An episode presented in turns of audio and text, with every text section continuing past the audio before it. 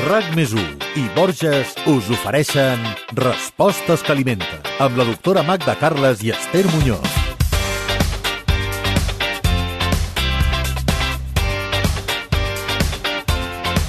Són un element clàssic imprescindible de l'estiu i, de fet, de tot l'any. Els gelats tenen fama de ser molt energètics i d'alimentar poc. Quin és, en realitat, el valor nutritiu dels gelats? Quins són els més saludables? Són aptes per tothom? I si tenim sobrepès? Són adients pels nens?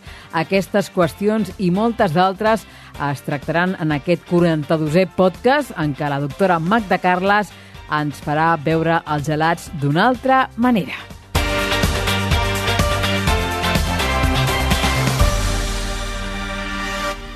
Mira que són tentadors els gelats, Magda. I són boníssims, Esther, els gelats. Jo ho sento, però a mi m'encanten. A mi també, eh? eh? Ens agraden moltíssim i la veritat és que en prenem molts a l'estiu quan fa calor, però durant tot l'any també, no?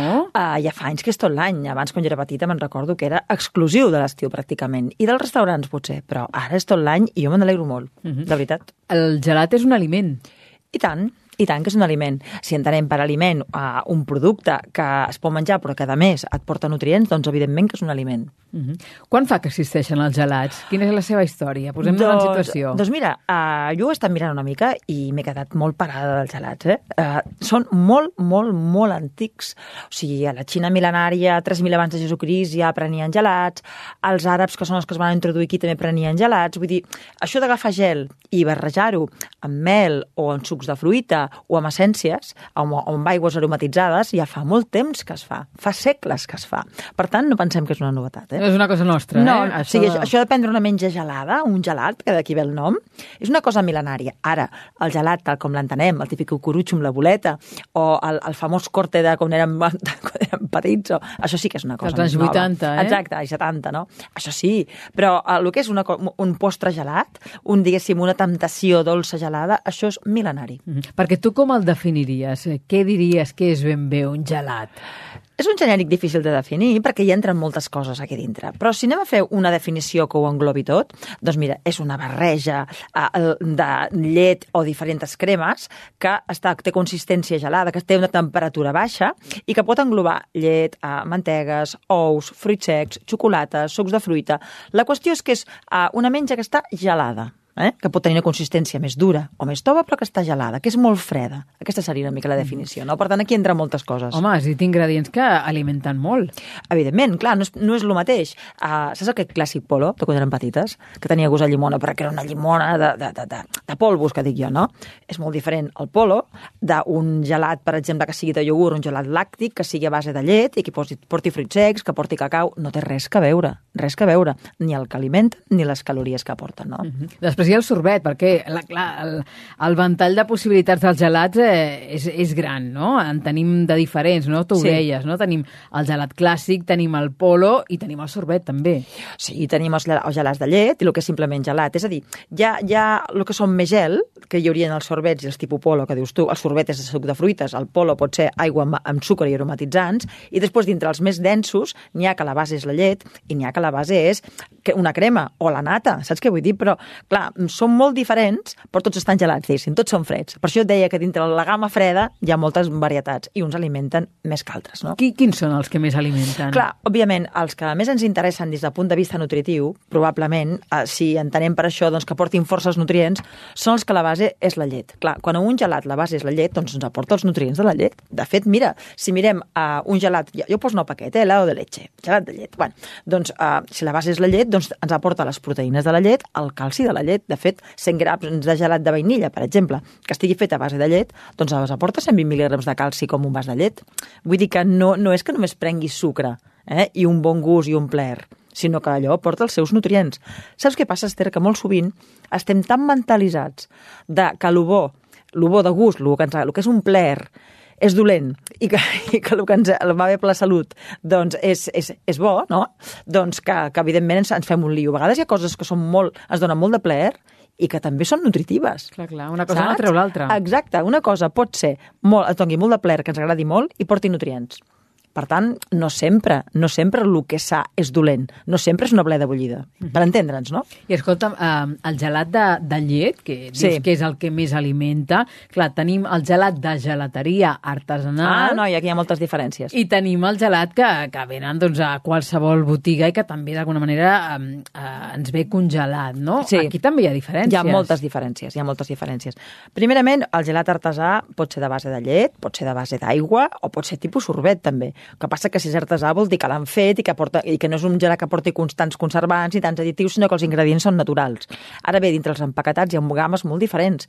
Hi ha gelat de llets empaquetats, però també hi ha gelats que no són de llet empaquetats. I hi ha gelats de gel també empaquetats. Aleshores, el que tenim que fer és mirar els ingredients. Ja sabem que el primer ingredient és el, que, el, més, el més abundant, no? Doncs el primer ingredient més abundant, òbviament, amb un, amb un gelat de gel és l'aigua, sí o no?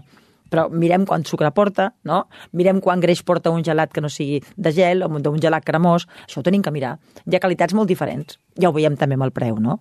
O sigui, no és el mateix, ja veiem que a vegades hi ha el mateix producte amb preus que són eh, eh, abismalment diferents, doncs home, alguna cosa té, no? També. Desorbitats, no? Clar, clar, clar, clar. Evidentment, el millor, no cal dir-ho, és un bon gelat artesà. Però bueno, que ho facin bé també, eh? Perquè artesà, eh, l'establiment té que ser bo. Vull dir, té que ser artesà, però a més a més que estigui ben fet. Que els ingredients siguin naturals. Uh -huh. I escolta'm, té molta energia un gelat? Din- Dins d'aquesta gamma que comentàvem, no? Mira, doncs els gelats, per cremosos que siguin, per...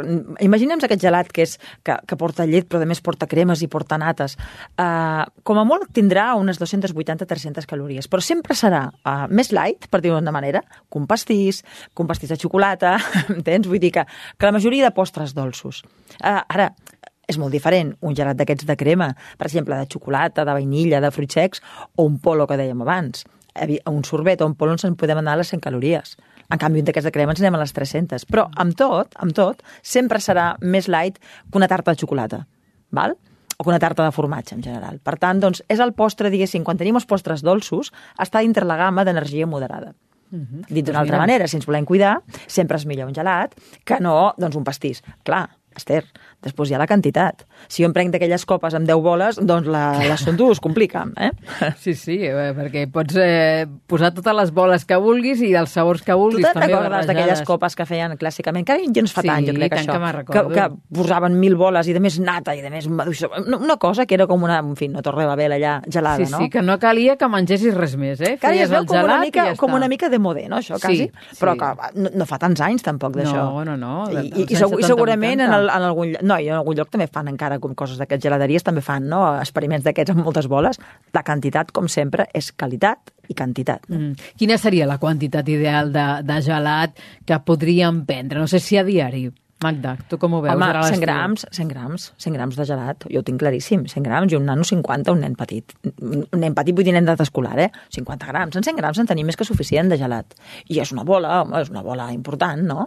Clar, després si poses una galeta d'aquelles de mig quilo, doncs també la cosa també varia. Ja es desorbita. Però si parlem de gelat, allò que agafes amb un d'aquells vasets, que vas amb la cullereta i que... Per què no? Per què no? Podem agafar un gelat... I, escolta, i, i està fred, ens senta bé, i agafem un gelat de qualitat doncs, que ens aporti, jo que sé, o fruits secs, o un bon cacau, no? O que sigui de iogurt, o que sigui que tingui una base làctea, el gelat de llet merengada, per exemple, molt bon, gust a canyella, jo que sé. Mm, Per què no? Clar que és un caprici. Clar que no és un tros de pa torrat amb oli, però escolta'm, també ens ho tenim que passar bé aquesta vida, eh? Perquè tu com definiries el gelat? Aliment o caprici? És un caprici que alimenta. Eh? O és un aliment que pot ser un caprici. No, no és un oxímoron en aquest cas, eh? És les dues coses. És les dues coses. De fet, de fet, també podria ser un podcast això, eh? Quins capricis alimenten? Mira, m'ho estic imaginant. Doncs eh, hi ha moltes coses que ens encanten que alimenten, eh? No, i, i, escolta, mira, fins i tot una presa de xocolata de qualitat, com diem parlarem d'això, doncs mm, en té molts de nutrients. És que jo repeteixo, ens han posat tot al cap que per menjar bé s'ha de patir, s'ha de... No, hi ha coses molt bones que ens alimenten i que ens donen molt plaer. I el plaer és molt important a l'hora de menjar. I tant. Ho hem dit moltes vegades aquí i no s'ha de deixar de banda. Com païm el menjar? Clar, no, i la sensació que et dona. Perquè el menjar té un efecte nutricional, però també té un efecte mental i dintre del nostre estat d'ànim. O sigui, menjar una cosa que t'agrada té unes vibracions molt positives per tu, d'una forma simpàtica, no? O sigui, produeix un efecte positiu, també. Això s'ha de tenir en compte. El que tenim que procurar és que el plaer no, no ens matxaqui. És a dir, el plaer no t'ha de fer mal. Aquesta és la cosa intel·ligent. El plat intel·ligent, jo sempre ho dic, és aquell que no et fa mal. Per tant, 100 grams de gelat de qualitat, per què no? Ara bé, aquests 100 grams de gelat de qualitat, fes-los servir per berenar però no, no, no el prenguis de més a més. És a dir, no facis els teus àpats i, a més, el gelat per ahir volant. No, el gelat ja ocupa un lloc dintre la teva dieta. I si ho fas així, per què no? Uh -huh. Pots prendre un cada dia, si vols. Parlaves dels nens, no? Sí. Uh, és bo que un nen eh, tingui com a berenar ara a l'estiu un gelat a diari? A veure, um, jo soc, soc partidari de la variació i, per tant, jo establir-li un gelat cada dia, home, mira, però que hi hagi més gelats que de l'habitual, que hi hagi sovint gelats, com a berenar d'un nen, no em sembla malament, sempre i quan sigui un gelat petit, és a dir, d'aquesta mida que hem dit, entre 50 i 100 grams, que sigui un gelat de qualitat. Eh? I, que, i, que, I que ocupi el lloc de berenar, val? Però, no, però no, que no sigui per sempre, perquè són unes vacances, perquè és una setmana especial. Per què no? Per què no? Però gelat de qualitat, mida dient. Mm. Gelat de qualitat eh, no vol dir gelat industrial, o, o sí? Normalment no. Normalment no. A veure, mm, reconeguem, ara aquí no farem un estudi de totes les marques perquè no, no, no, és el cas, no? Hi ha qualitats molt diferents. Eh? Però, d'entrada, un gelat que està fet a base de llet, que al nano ja li interessa, perquè hi ha calci, hi ha proteïnes, és clar, un gelat de llet entre 3% de, de proteïnes, que és el que porta la llet, no? I, que, I també porta les seves vitamines A i D, si està fet de llet. Doncs si és la mida adient i no té un excés de sucre, escolta'm, mm, per què no? Per què no? no? Vull dir, és un... a veure, els nens, una altra cosa és que aquest nen tingui problemes de pes, una altra cosa és que aquest nen tingui problemes d'un altre tipus, o que sigui un nen que no sàpiga parar. Però jo crec que en els nanos se'ls ha d'educar en l'alimentació variada i en el control que als aliments bons. És a dir, tu pots menjar de tot perquè tu saps dir prou. I jo crec que això és una cosa que s'ha de fer des de petits saps? A dir prou, a dir que hi ha una quantitat limitada, educar els nanos amb la, amb la concepte de la quantitat de les coses que tu no pots menjar tot el que vulguis, sinó que hi ha una quantitat saps? Però disfrutar-la, aquella quantitat, disfrutar-la. Aquí, aquí hi ha una feina de, dels pares important, Molt. eh? I per començar ja, que has de lluitar contra aquest gelat industrial, perquè normalment el petit de casa tira cap a això. Ah, clar, perquè li agrada, perquè hi ha colorins, perquè tenen formes divertides, perquè etc etc etc. Home, mira, mmm, imaginem que el gelat industrial és, és inevitable, no? Perquè, perquè al nano li agrada, perquè té formes que els altres gelats no tenen. Els altres gelats no els tenen. Colors, hi ha formes de, de peus, també. de coets, de ninots, de... en fi, és que és, que és imbatible això. Doncs llavors procurem agafar un gelat dintre això, primera, que no sigui un mega gelat, ja comencem per aquí, la mida, eh? jo, veig que jo sempre insisteixo molt amb la mida, és que la mida és important, una mida discreta, i després mirem els ingredients d'aquell gelat, no? Pues que no tinguin grasses, massa, massa grassa trans, no? que n'hi hagi oli de palma, que, i, i sobretot que n'hi hagi molt sucre. Mirem-ho una mica i ja està. Clar, de fet, els gelats de gel són, són, inofensius, són més inofensius perquè no solen portar greix. Uh -huh. Per tant, jo, mira, molt personal això, però que ara és un nano a gelat industrial, agafaria un de gel un de gel. Per què? Perquè saps que porta sucre, colorants i, i aigua. I a Llavors, més a més, no sé, ja si, no sé si t'has fixat, però uh, aquests gelats industrials cada vegada tendeixen a ser més petits. Em no sembla molt què, bé. Eh? Doncs mira, amb això estic completament d'acord. Estic molt d'acord i crec que ho fan molt bé, això, indústria alimentària, perquè ja que és una cosa d'una salubritat, diguéssim, bueno, no és el millor que del món, fem-ho petit, que el nano s'ho passi bé, però que sigui petit. Sí, sí. Per què no? Si compares a aquest gelat, eh, que potser el menjàvem nosaltres a, a, la, a la nostra infància o adolescència i el continuem fent ara, la mida L'han variat, a veure, l'han eh? variat, sí, sí, l'han fet petita. I fins i tot hi ha marques que fan tots de petits, no? A mi em sembla bé que facin mides més petites, perquè ja et dic, la gràcia està en poder gaudir d'una cosa que ens agrada, que és molt tentadora, però que sigui una quantitat inofensiva. I amb els nanos se'ls ha d'educar amb aquesta quantitat. Ells han de saber que un plat de verdura o de, o de pasta o d'arròs pot ser d'una mida, però que una cosa dolça amb molt de sucre eh, doncs és una altra. I això ho has de saber de petit ja tot el que té molt, molt de sal, molt de sucre, molt de greix o molta energia, s'ha de controlar la dosi. Uh Mhm. -huh. I això ja és una cosa, és una tasca ja des dels 4 anys. No? Sobretot eh, si el nen té sobrepès. Evidentment, però si no, si no en té també. Perquè, escolta'm, eh, no, els problemes que podem tenir amb l'alimentació no és tot el pes. El pes és molt evident i, a més, és un problema perquè és que hi ha una incidència de sobrepès al nostre país i amb la infància que, en fi, ja ho sabem, ja ho hem dit moltes vegades, no? Però hi ha altres problemes i és que, a veure, hi ha un tipus de greix en aquests productes a vegades que tampoc és gens saludable. Un nano pot estar prim, però pot tindre un colesterol elevat, per exemple. I no és incompatible amb estar prim. Per tant, és el pes i són altres coses. I també perquè se'ls ha d'educar de, amb que sàpiguen, diguéssim, això del control jo penso que és molt important, no? De dir, això és bo, però menjo... Clar, per fer això, els pares també ho han de fer, eh? Això també és important. És un tema d'exemple, no? D'exemple, no? Que, que la mida, amb les coses que ens fan tan plaer, la, pues si, som, si tenen aquestes problemàtiques de molt de sucre, pues ha de ser una mida reduïda. I ja està. Però tampoc m'ho privaré, perquè jo també tinc la teoria, Esther, de que tot el que tu prives als nens, o els hi prohibeixes d'una forma rotunda, els hi crees una, una expectativa que es pirren per allò. No? Clar, eh, encara en volen més. Sempre, sempre. Tot el que està prohibit genera molt desig. I, de fet, no només els gelats estem parlant, eh? Moltes altres coses. Per tant, no t'han de prohibir tant. T'han de limitar. T'han de limitar i t'han d'explicar o per què està limitat. Jo sempre penso també que les explicacions són molt importants a la vida. Inclús amb els nens, eh? Amb els grans, per suposat, però amb els nens també. Perquè a vegades és, això no, ja està, no, això no, ja està. Mira, això no. A veure, si el nano ja té més de 6 anys, ja li pots explicar moltes coses. Això no perquè el sucre, etc o perquè la sal, o perquè el greix, o perquè... Per què no li expliques? El nano trobarà un per què no? Sí, sí. Molt sovint a vegades diem, afirmem coses amb els nens i són massa perquè ho dic jo, no? O perquè fa mandra també explicar. Jo penso que les explicacions eh, són molt formatives també. Sí, s'han de justificar, sí. no? I, I si qui té sobrepès és l'adult, aquí quin paper jugaria el gelat? Eh, estaria per més? Bueno, com dèiem abans, el gelat és, uh, dintre els capricis dolços, és més lleuger que una tarta, que unes trufes uh, i que moltes coses dolces que ens agraden. Val? Jo començant per aquí. Però clar, si tu tens problemes de sobrepès, has de procurar agafar un gelat que no sigui el més potent del món i una dosi petita. Però jo, fins i tot una persona en sobrepès, no, li, no, no, no el privaria d'això. Només li condicionaria la quantitat. Per què el pobre no pot menjar un gelat?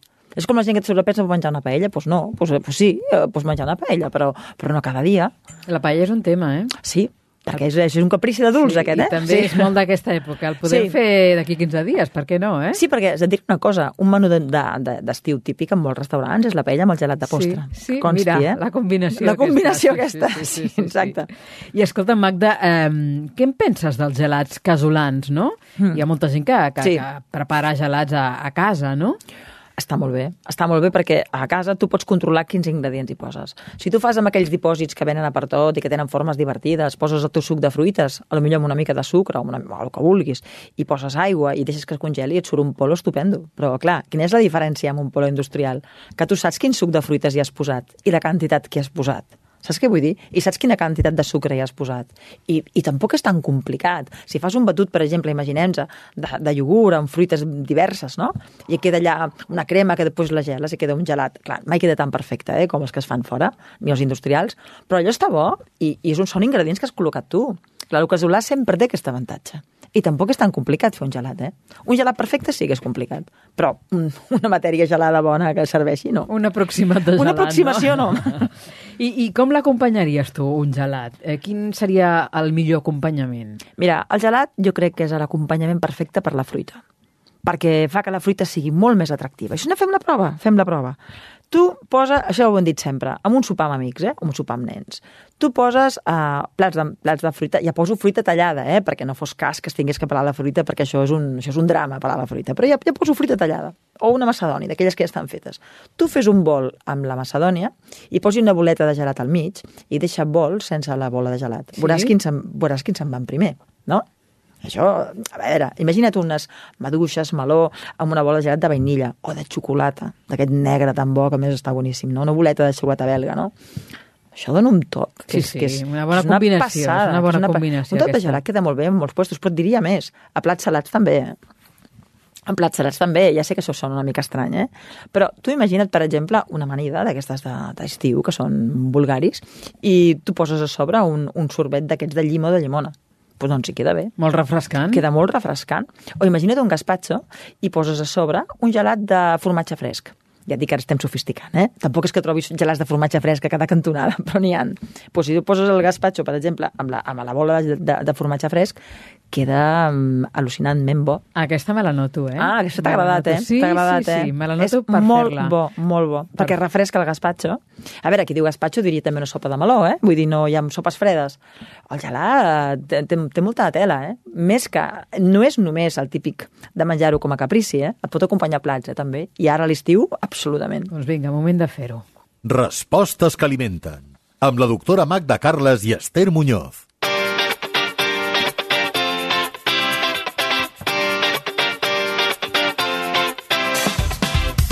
Ha quedat clar, Magda, que el gelat és un aliment i Sí. a la vegada és un caprici, és un caprici que alimenta, no? Però com eh, eh, ho podríem fer per introduir-los a la nostra dieta sense problemes? Tu què proposaries? Mira, jo com a manual bàsic pels gelats, jo diria, primer, uh, menja'l sempre de qualitat. Eh? De qualitat. Empaquetat o no, però de qualitat. Lo segon, que no sigui més de 100 grams de gelat. Importantíssim. Lo tercer, si ocupa un mig matí o un mitja tarda, doncs és al berenar o és al mig matí, però no, e- no és a més a més. Ocupa un lloc. Lo quart, agafa sabors que t'aportin alguna cosa saludable, que sigui de fruit sec, que sigui de cacau, que sigui de suc de fruites, que tu ja vegis clarament que allò t'aporta algun nutrient i algun sabor clar. I després, home, si has fet un gelat al dia, procura no fer cap més menja dolça durant el dia. Eh? Vull dir, hem fet el nostre cupo. Jo sempre amb els capricis dic un al dia està bé. Més ja comença a ser molt dolç el tema, no? Doncs ja ho tenim, eh? aquesta és la justificació que ens ha donat la doctora Magda Carles per tal de que introduïm el gelat, no només a l'estiu, durant tot l'any a la nostra dieta. I deixem acabar amb una cosa que a mi m'encanta, un capritxo. Agafes un iogurt, eh? un iogurt Sí, natural, sí. normal, bo, eh? també artesà. No iogurts de... No, iogurt. Agafes una bola de vainilla, bona, artesana, bola, eh? no un bolon, bola. Ahà, eh? petita. Poses canyella i ho poses a la, a la batidora. Oh! El que et surt mm, és, en fi, inexplicable. Boníssim. Doncs vinga, tots a comprovar-ho i esperem als nostres oients d'aquí 15 dies. Podem parlar de la paella, no? Ja que l'hem esmentat, i tant que Clar sí. que sí. Doncs vinga, d'aquí 15 dies ens espera la paella. Adéu. RAC més i Borges us han ofert Respostes que alimenten amb la doctora Magda Carles i Esther Muñoz.